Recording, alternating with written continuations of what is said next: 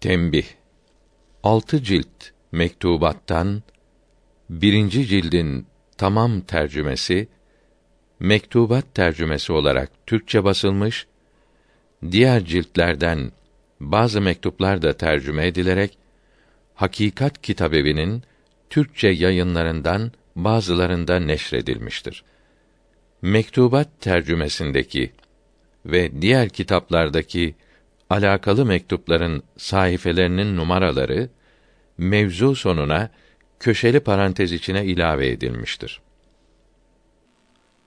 Allah, insan ve namaz. Bismillahirrahmanirrahim. La havle ve la kuvvete illa billahil aliyyil azim. Aşağıdaki satırları yazan Hüseyin Hilmi Işık 1329 miladi 1911 senesinde Eyüp Sultan'da dünyaya geldim. Lise tahsilimi Halıcıoğlu Askeri Lisesi'nde yaptım. 1929 senesinde lise son sınıftayken zamanın en büyük İslam alimi Seyyid Abdülhakim Arvasi Hazretlerinin Eyüp Camii'ndeki vaazına tesadüf ettim. Çok kalabalık olduğu için önüne oturdum. Din bilgim hiç yoktu. Vaazdan sonra yanıma gelerek Küçük efendi, seni sevdim. Ara sıra gel de görüşelim dedi. Senelerce vaazlarına gittim, sözlerine aşık oldum.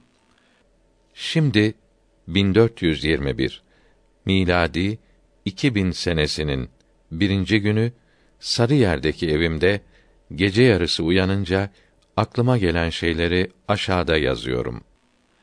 Her şeyi yaratan ve varlıkta durduran bir Allah vardır. Allah yok denirse hiçbir şey var olamaz. Saadet-i ebediyede hava kelimesine bakınız. Her insanın hayatı üç zamana ayrılır. Dünya, kabir ve ahiret hayatı. Ahiret hayatı cennet ve cehennem olarak ikidir.